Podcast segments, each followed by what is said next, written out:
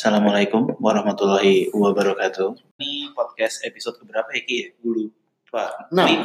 Enam, enam. Weh, berarti lo mantau terus ya, mantau Mantap. terus. Oke. Eh, sebenarnya sih mostly kita hari ini eh, mau ngebahas pertanyaan-pertanyaan dari website Eput ya. Ya, jadi kita waktu itu naruh sekitaran dua minggu ya, dua minggu Hmm. ada eh, masukin di website tuh ceritakan masalah anda atau tanya pada kami tentang kebutuhan legal dan kebetulan Hmm. banyak banget yang nanya. Jadi kita mau istilahnya Q&A ya, Iya, iya. Iya, jatuhnya sebenarnya sih kita eh, sesi hari episode ini itu jawabin. mau ngejawabin general question saja sih seputaran biasanya sih orang nanya badan usaha terus eh, kontrak terus merek atau haki itu sebenarnya itu sih nah ini yang dari Hotjar nih mostly kebanyakan si Nanyain soal ah, eh, pendirian badan usaha kita mulai dari pertanyaan pertama dulu kali ya. hmm, eh sebelum sebelum sebelum mulai ini ada tamu baru bukan tamu sih sebenarnya ini oh iya manusia lupa, lupa. lupa lupa belum kita kenal baru muncul jadi Baru. ini penggawanya badan usaha kalau di kantor kita Biasa dia kalau habis kerja di ke ini kan eh, di LC. oh iya, iya. mirip Bang Karni Dan mari kita sambut Bang Karni. Bukan, oh, bukan, bukan. Salah. Ini eh, ada Victor di samping saya. Halo. Eh, suaranya udah So cool. Jadi eh, pertanyaannya bakal gue eh, gue bacain dan nanti yang akan jawab eh, Victor karena ini berhubungan dengan pekerjaannya dia. Betul, si Victor ini kalau di kantor kita di KH itu sering ke ngurusin badan usaha, sama perizinan di OSS juga, sama ngajak war. Oh salah. Oh, iya. ya gitu. Pertanyaan langsung aja ya. Ya, pertanyaan pertama. Proses pembuatan PT atau tahu. persyaratan terbatas. Prosesnya gimana tuh? Coba diceritakan. Prosesnya itu yang pertama tentu eh, semua klien kita akan kita arahkan melalui platform platform digital kita di kontrak hukum. Nah mereka di situ nanti akan langsung disajikan form online, Eh, data-datanya diisi dari nama PT, domisili, terus bidang usahanya itu bergerak di bidang apa aja. Bidang usaha tuh based on KBLI ya? Atau enggak? Jadi untuk bidang usaha sebenarnya klien kita tuh cuma cukup mendeskripsikan aja Hmm. kegiatannya itu apa, bergeraknya seperti Hmm. perdagangannya, apa yang Hmm. didagangkan, didagangkan gitu. Tetapi di situ juga kita memfasilitasi klien kita untuk memilih KBLI. Oke. Nah, bagi teman-teman yang belum tahu, KBLI itu adalah klasifikasi baku badan usaha yang terbaru itu 2017. In general gitu ya berarti Iya. jatuhnya si klien itu masuk platform dia ngisi form-form terus dia nge-upload juga eh, data-data kayak KTP, NPWP juga gitu kan. Terus Iya. nanti habis itu biasanya notaris fungsinya apa di sini? Jadi nanti setelah data-data itu kita udah kumpulin, kita akan salurkan ke notaris yang berkaitan dengan pembangunan uh, pembuatan badan usaha. Hmm. Gitu. Tentunya notaris yang kita punya juga yang sudah kredibel, Oke, oke. Nah, jadi nggak sembarangan. Hmm. Jadi klien kita semua mendapatkan layanan yang maksimal. Oh, yes. luar biasa Bapak ini. Oh ya, Luar biasa. Itu nanti ada kesempatan revisi nggak dari si kliennya sendiri? bisa, bisa. Jadi, dari draft kan pasti kan biasanya notaris itu kalau menurut ke sepengetahuan gue dia ngeluarin draft eh, akta ya kan terus nanti direvisi kalau misalnya ada, udah oke tinggal signing ya berarti. Ya, jadi nanti setelah data-data yang tadi di awal udah kita dapat dari klien, Hmm. kita berikan ke uh, ke notaris, lalu notaris akan menyusun draft akta pendiriannya sesuai dengan data yang dia dapat tadi. Oke oke oke. Lalu draft itu akan diberikan ke klien, uh, lalu klien kita bisa review dulu gitu dan memberikan tanggapan. Kalau mereka sudah oke sih biasa kita langsung ke signing. Oh, oke. Prosesnya paling lambat 14 hari kerja. Itu paling lambat ya. Kalau nggak ada kalau itu kalau ada udah ada revisi dan lain-lain ya. Iya, Nah, gue nanya, tadi kan lu sempat eh, mention soal signing kan? signing. Signing. Kalau tantangannya gemeteran, tangannya gitu. diulang nggak? Diulang nggak? Tremor. Tremor gitu. Atau Ya. lagi lagi mau tentang, eh bersin gitu kan? Diulang nggak? Apa kertasnya ada lagi atau gimana gitu? Oh tenang, kita banyak kertas kok. Oh, Enggak maksudnya Hmm. saat tanda tangan itu sih sebenarnya santai aja formalitas. Enggak Hmm. kayak di bank lah harus sama sama KTP. Iya. Sebenarnya sih mostly gue sempat beberapa kali nemenin PMA kan. PMA tuh kalau buat yang belum tahu itu penanaman modal asing. Jadi PT-nya tuh salah satu pemegang sahamnya itu orang asing. Nah itu ya sama sih prosedurnya juga ya yang penting tanda tangannya mah santuy emang kan Hmm. nggak nggak ini, juga sama ada cap jari juga kan nanti Ada cap jempol. tapi ya itu prosedur teknikal nah tapi biasanya habis dari itu eh, apa put yang sekarang lagi ini eh, OSS ya Mm-mm. habis itu kan Iya. udah berarti kan PDP dan lain-lain SIM TDP udah digantikan sama NIB. NIB dan izin usaha. nah itu Iya. ngisinya setelah aktanya dapat SK Betul. Hmm. Jadi setelah nanti draft akta itu telah di-signing, lalu notaris kita akan daftarin itu ke AHU, lalu kemudian akan terbit akta dan pengesahannya SK Kemenkumhamnya. Hmm. Lalu setelah itu kita akan proses ke perizinan OSS-nya. Begitu. mungkin sebenarnya buat yang teman-teman denger podcast agak berat bahasanya akta lah SK Kemenkumham dan lain-lain cuman sebenarnya sih kalau ke lo pada udah masuk ke platform kita sih jatuhnya ya udah semua tuh lo udah tinggal terima beres nggak sih Tor jatuhnya Iya. Kan, ya startnya mereka tuh cuman ngisi dok ngisi form sama upload dokumen terus begitu tanda tangan kita semua yang ngurusin kan ya Iya. Pokoknya lu kalau lewat kontrak hukum, lu tahu cuman isi data, udah lu tahu beres. Ah, Signing, tinggal nunggu kabar Pak udah bisa signing oke signing gitu aja kan sebenarnya sebenarnya sih itu itu aja sih yang maksud dari eh, kemarin kita kan juga sempat di acara Yes. Ya Iya. Tech in Asia itu juga ada beberapa yang pertanyaannya Hmm. eh, syarat-syarat minimal berapa pemegang saham Hmm. gitu ada yang nanya bisa nggak sih kalau misalnya gue punya PT tapi gue aja pemegang saham terus gue jadi direkturnya Nggak nggak bisa kan Karena syarat PT adalah dua pemegang saham saham, satu direktur, satu komisaris. ya minimal ada dua orang di dalam satu perusahaan itu. Dua orang ya. Oke. Cuman yang kemarin banyak ditanya apa sih yang membedakan uh, pendirian PT kon- di kontrak hukum dengan di tempat lain. Hmm. Uh, di sini juga juga sedikit jelaskan kalau di tempat kita tuh lebih simpel. Jadi nggak Hmm. perlu bawa dokumen ke notaris, Iya, karena ya, nggak perlu keluar Hmm, rumah lah. keluar rumah ya paling keluar rumah untuk tanda tangan doang. hmm. Terus tanda tangan juga bisa di kantor kita ya kan? Iya. Atau Atau kalau memang mereka mau request, gue mau dong yang lebih, lebih dekat ke rumah gue ya bisa juga. di kantor yang Tinggal, lain. Nah jadi tinggal kayak kita nyesuaiin. Lu baru bangun tidur masih pakai selimut gitu. buka- tiba-tiba pengen pendirian pengen- badan usaha, Iya, mimpi punya PT kan. Iya, iya. Tinggal kontak kita. Benar. Iya. tinggal upload dokumen-dokumen yang ini dan itu simpel banget. Iya, Lu nggak perlu nyari-nyari notaris bingung mesti ngapain. segala macam. Kita bisa support Berarti yang dicari bukan notaris, Tapi tapi kontrak. kontrak pertanyaan selanjutnya Pertanyaan selanjutnya akan gue bacain. Oh. Mau memulai usaha, kebutuhan saya dalam bidang legal saat ini adalah mendaftarkan merek dan logo. Wah, ini udah pernah kita bawain itu. Udah, udah. Sebenarnya sih di di podcast podcast sebelumnya. Mendaftarkan merek itu tergantung apakah lo mau atas nama badan usaha lo atau mau Hmm. eh, atas nama pribadi. Individu Oh, iya, itu iya. juga bisa. Nah, kalau misalnya bedanya sih cuman kalau badan usaha lo perlu ngaj- apa, ngajuin akta pendiriannya. Mhm. Itu doang sebenarnya sih. Cuman eh, untuk proseduralnya itu sih sama aja. sama aja Hmm. jatuhnya. Nah kalau masuk ke platform KH sama, pokoknya itu sebenarnya si KH itu intinya kan mempermudah, mempercepat, mempermurah Kualitas. dan kualitas. Kemarin gue pas lagi di TIA nanya, "E, ini be- bedanya apa nih sama platform-platform lain Hmm. yang menyediakan kurang lebih jenis jasa yang sama? Sama. Gue jawabnya cuma simpel, kualitas sih kita Yo, luar biasa Luar ya. biasa Bapak ini. Luar biasa.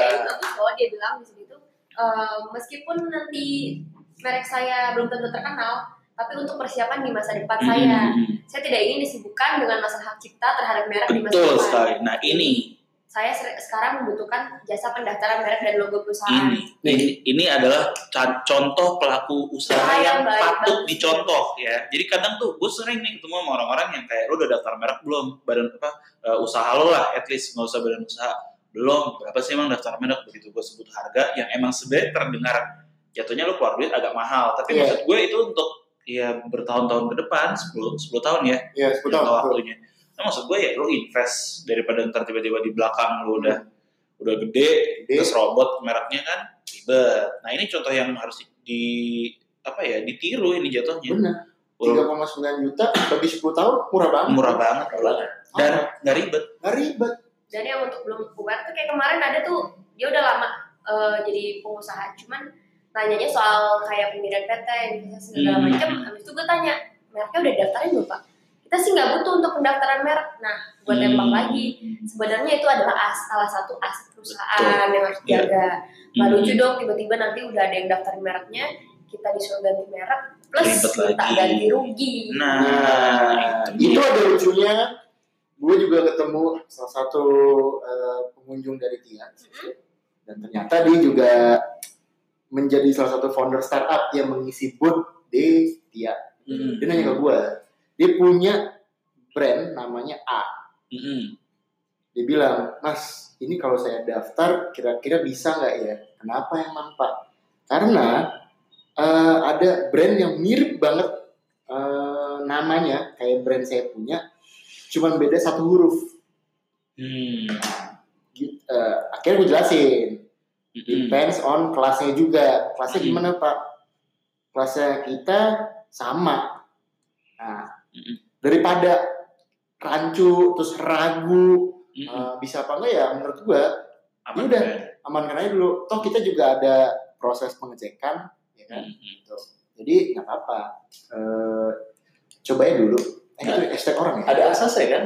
First to file. First to Ya, file, itu dia. First to file. itu yang sempat ya pokoknya berkali-kali kita sempat di episode episode sebelumnya udah nekenin kan pokoknya dulu duluan jatuhnya dulu mau perkara lo udah punya gue lo pegang merek ini 10 tahun tapi kalau lo belum daftarin ya benar. doesn't mean anything juga buat DJKI Itu itu juga ada salah satu klien kita ya Put ya, Eh, yang lagunya tuh bodoh amat lah.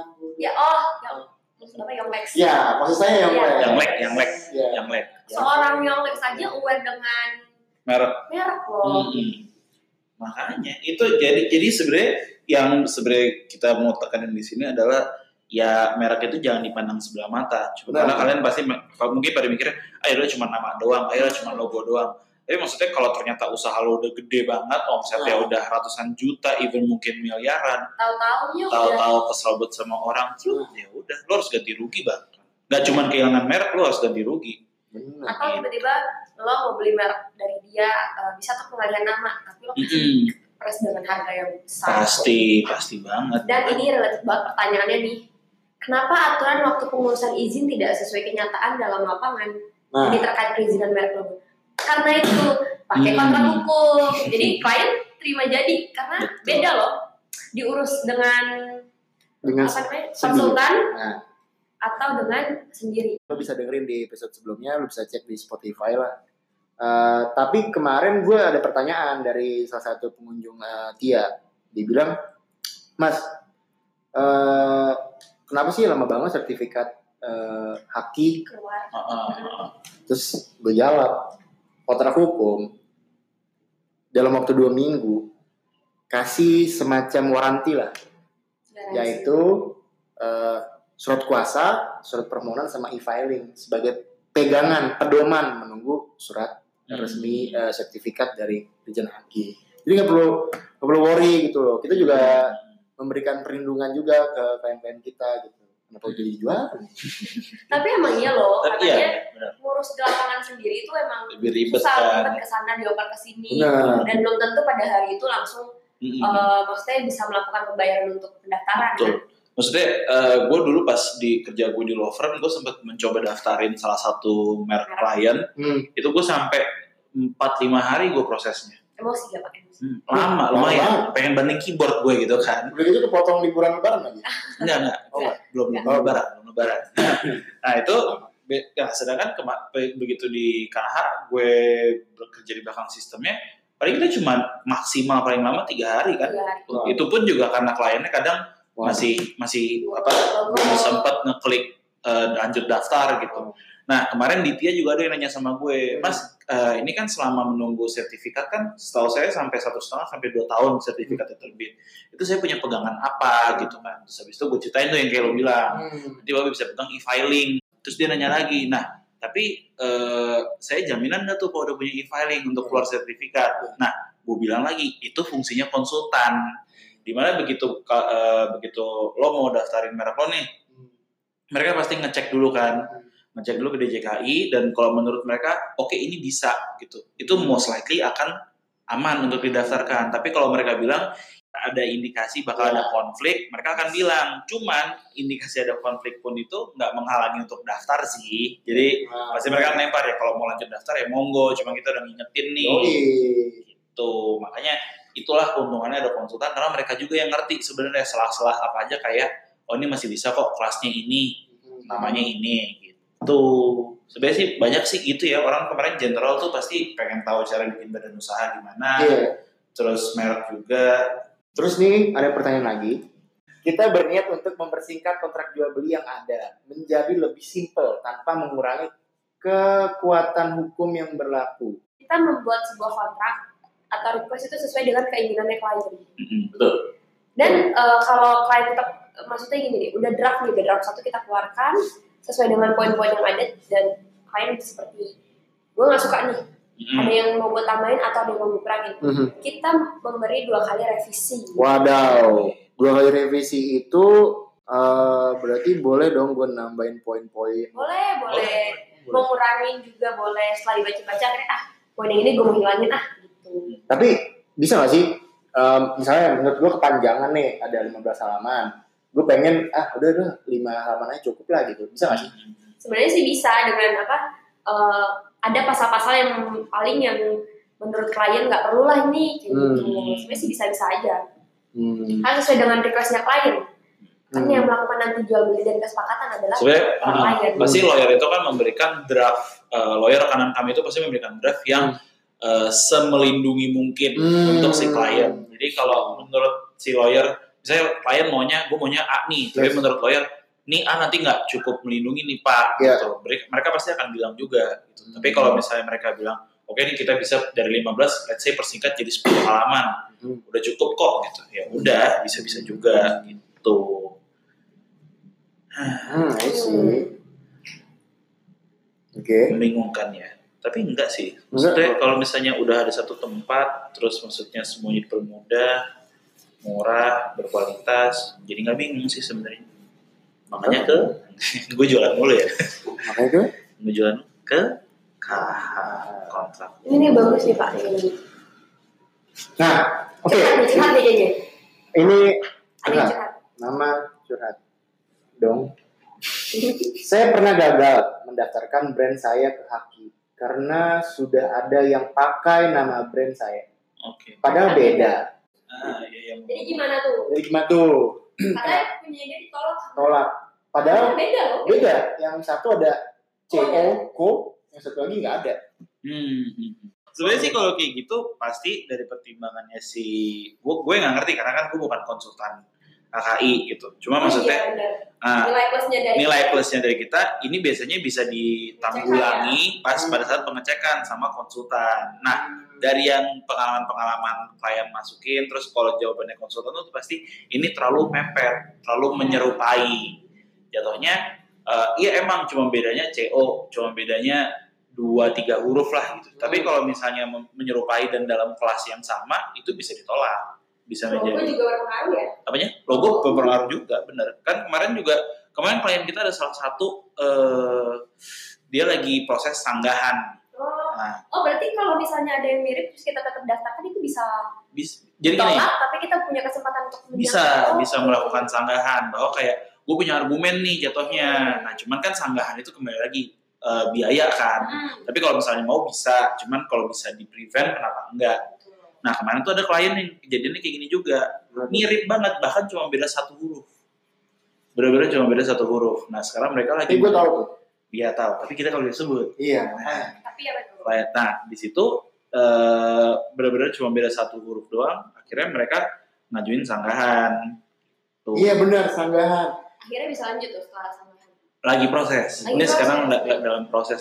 Cuman ya itu kembali lagi biaya, Tuh. waktu, gitu-gitu kan.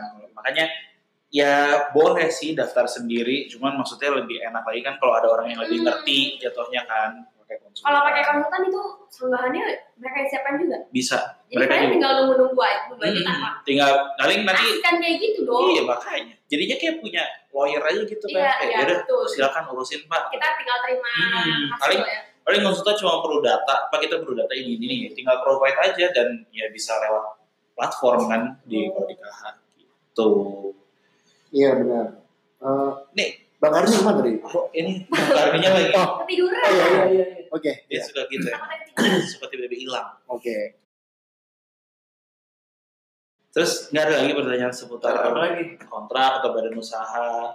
Banyak, ah, adanya curhat nih. Oh curhat, curhat apa? Pernah ada orang lain yang mencoba mengambil nama usaha dan jenis usaha kami yang dilakukan secara diam-diam. Hmm. Ya nggak mungkin dong.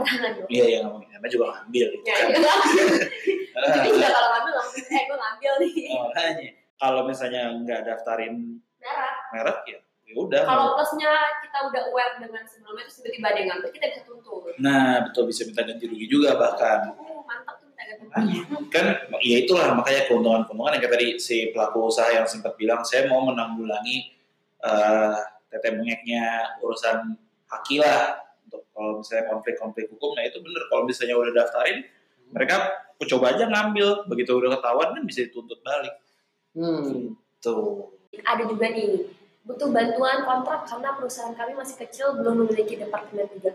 Nah, yang kayak gini-gini nih. Nah, Ini kita membuka eh, ini ya kerjasama ya. Sebenarnya sih nggak kerja sama, cuman kita lebih mikir gini loh. eh, kenapa sih nggak pakai legalnya tuh kita? Karena hmm, daripada kita perusahaan, apalagi yang startup, Hmm. meng-hire satu orang khusus untuk legal dan belum tentu setiap hari dia punya kerjaan, mending betul kita ada kayak uh, Kerjasama. corporate secretary. Iya. Sekretari. Betul. apa tuh apa tuh corporate secretary itu kayak gue sering denger ada di meeting tapi Iya. Oh jadi gue jelasin nih, jadi Oh. corporate secretary itu dapat dua keuntungan. Satu adalah dia bisa konsultasi hmm, dengan lawyer dan kita juga provide kayak kontrak apa yang dia butuhkan hmm, itu bayarnya per per bulan. Oh, jadi per bulan bayar beberapa Hmm. jumlah uang, tapi kita udah Bisa dapat iya dapat paket itu. konsultasi dan dapat si kontrak. Betul. Makanya main-main ke website kita. Betul. Banyak paket yang Itu ngirit sih. mirip. Karena emang di website kita tuh juga ada paket eh, startup. Iya. Karena maksud gue eh, yang jadi struggle sekarang adalah lo nge-hire legal pun, Mahal cuy. ah, maksudnya ya kalau misalnya ngambil legal yang belum punya pradi, ya kalau ntar ke- kenapa-napa lo nggak bisa ngapa-ngapain juga karena kan belum boleh beracara. Ini agak berat sih gue omongannya. Tapi maksud gue, nah lo kalau misalnya eh, consult sama law firm, buset, Hmm. harganya mahal, retainer fee-nya mahal, hitungannya per jam dan lain-lain. Kalau kita harganya nggak nyampe dua digit loh. Heeh. Boleh Sa- main-main website. mau ngomong sadek saknyet kalau bahasa Jawanya. Hmm. Hmm. Yang yang paling ininya sih yang gue sukanya adalah dikerjakan oleh uh, lawyer profesional. Betul. Nah, jangan takut ya maksudnya emang kalau- kemarin gue tadi eh tadi gue sempat bilang kita ngutamain kualitas karena emang ya kita pun juga males kan jual produk yang Mahal. Iya. Apalagi sasaran kita adalah startup dan. UMKM. Tuh, maksudnya ya, emang tujuannya kan kalau misalnya kita mau ngebantu eh, startup dan UMKM, ya justru kita harus membantu dengan provide kualitas yang bagus juga. Paling itu Benar. So far itu sih pertanyaan-pertanyaan general yang sering timbul. Ini ada lagi ini sebenarnya ini sih. Saya ingin mendirikan sebuah PT untuk sebuah perusahaan startup, namun masih Hmm. Rancu. Karena ada sebuah konsep kemitraan yang ingin kami lakukan setelah PT tersebut dibentuk. Ingin konsultasi terlebih dahulu untuk lebih detailnya.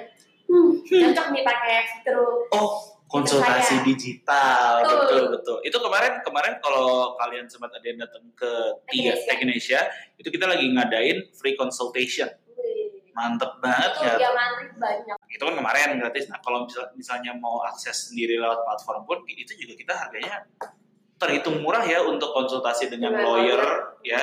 Yang kalau lo di law firm bisa ya mereka ibarat kata keluar dari ruangannya aja tuh udah kena charge hourly rate. Sedangkan kalau ini ya ya udah kita Bisa cuma setengah jam loh kita. Hmm, cuma setengah jam dan itu paling cuma tiga ratus tiga ratus eh, Cek website. oh, cek website, oh iya iya, gak tiga ratus tiga ratus, oh iya, cek website nggak boleh. Oke. Nah itu jatuhnya murah banget dengan harga segitu, lo bisa dapat advice dan pasti nanti dari mereka itu juga mereka akan memberikan rekomendasi untuk Hmm, pakai betul. layanan apa. Jadi nggak nggak loss juga setelah selesai konsultasi. Asik ya. Gitu. Oke, sih. ini kayaknya sebentar lagi durasinya mau habis. Eh, kalau kalian misalnya mau ada yang mau ditanya-tanyain atau dibahas di episode selanjutnya, monggo main ke website. main ke website Itu atau.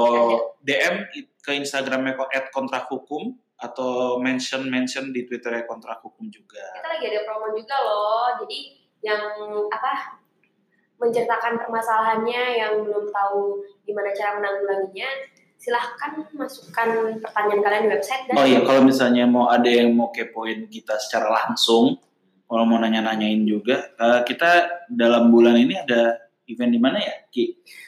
Event terdekat running di tanggal 25 Oktober 2019. Hmm. Lokasinya di Mula Coworking Selandak Town Square. Jadi Nah, asik kan tuh? eh gue mau datang dong. Oh, jelas. Boleh, boleh. lo di situ hari Jumat malam. Hari kita dah, gue Oke. Jumat malam, Nah. tanggal 25, Nah, habis gajian kan lo. nah, Lo lagi nongkrong-nongkrong di Citos, nongkrong sapi kan? nah. Dan kalau yang mau datang boleh, gue bakal bagi-bagi free konsultasi. Uh, Nah. Free konsultasi dan kemungkinan kemungkinan speakernya itu adalah Dito. Jadi kalau lo yang penasaran sama Dito, lo datang. Mulainya jam berapa? Lu cuma bilang malam. Oh iya iya. Oke, Mulai- mulai, mulainya, mulai. mulainya pas kok abis jam kantor jam 7 ya. Iya, kita Starting start. aja. Jam tujuh. Jam 7 itu kalau masalah ya ada free snack, Cara free datang ke supaya jadi peserta gimana tuh bang? Oh, iya. Caranya gampang banget. Lo bisa lihat di Instagramnya kontrak hukum atau di Mula. Mm-mm. Eh, lo bisa Instagramnya apa ya? Instagramnya Mula Indonesia. Lo Nah. bisa lo bisa cek eh, di dua Instagram itu Mm. cara registrasinya atau ya lo hubungin CS kita aja nanti kita pasti bantuin sih. Kita bakal ngebahas putar haki ya. Haki. Nah yang banyak yang nanya tuh. Yang banyak yang nanya dan itu biasanya emang paling base-nya orang mau bikin usaha pasti dari hakinya dulu. Gitu. Jadi monggo kalau misalnya mau dat- datang-datang cekidot cekidot atau mau ngobrol-ngobrol langsung dengan Mas Rizky atau Mbak Putri Betul. atau saya langsung boleh. Jadi sekian eh, podcast eh, Kepoin Hukum yang sedikit ngalor ngidul cuman kita berusaha bermanfaat ya. Nanti kalau misalnya ada tadi kayak gue bilang kalau misalnya ada yang mau ditanya-tanyain atau mau dibahas di berikutnya monggo kita menerima suggestionnya. Eh sekian wassalam. Terima Ya. kasih. Ya. Assalamualaikum warahmatullahi wabarakatuh.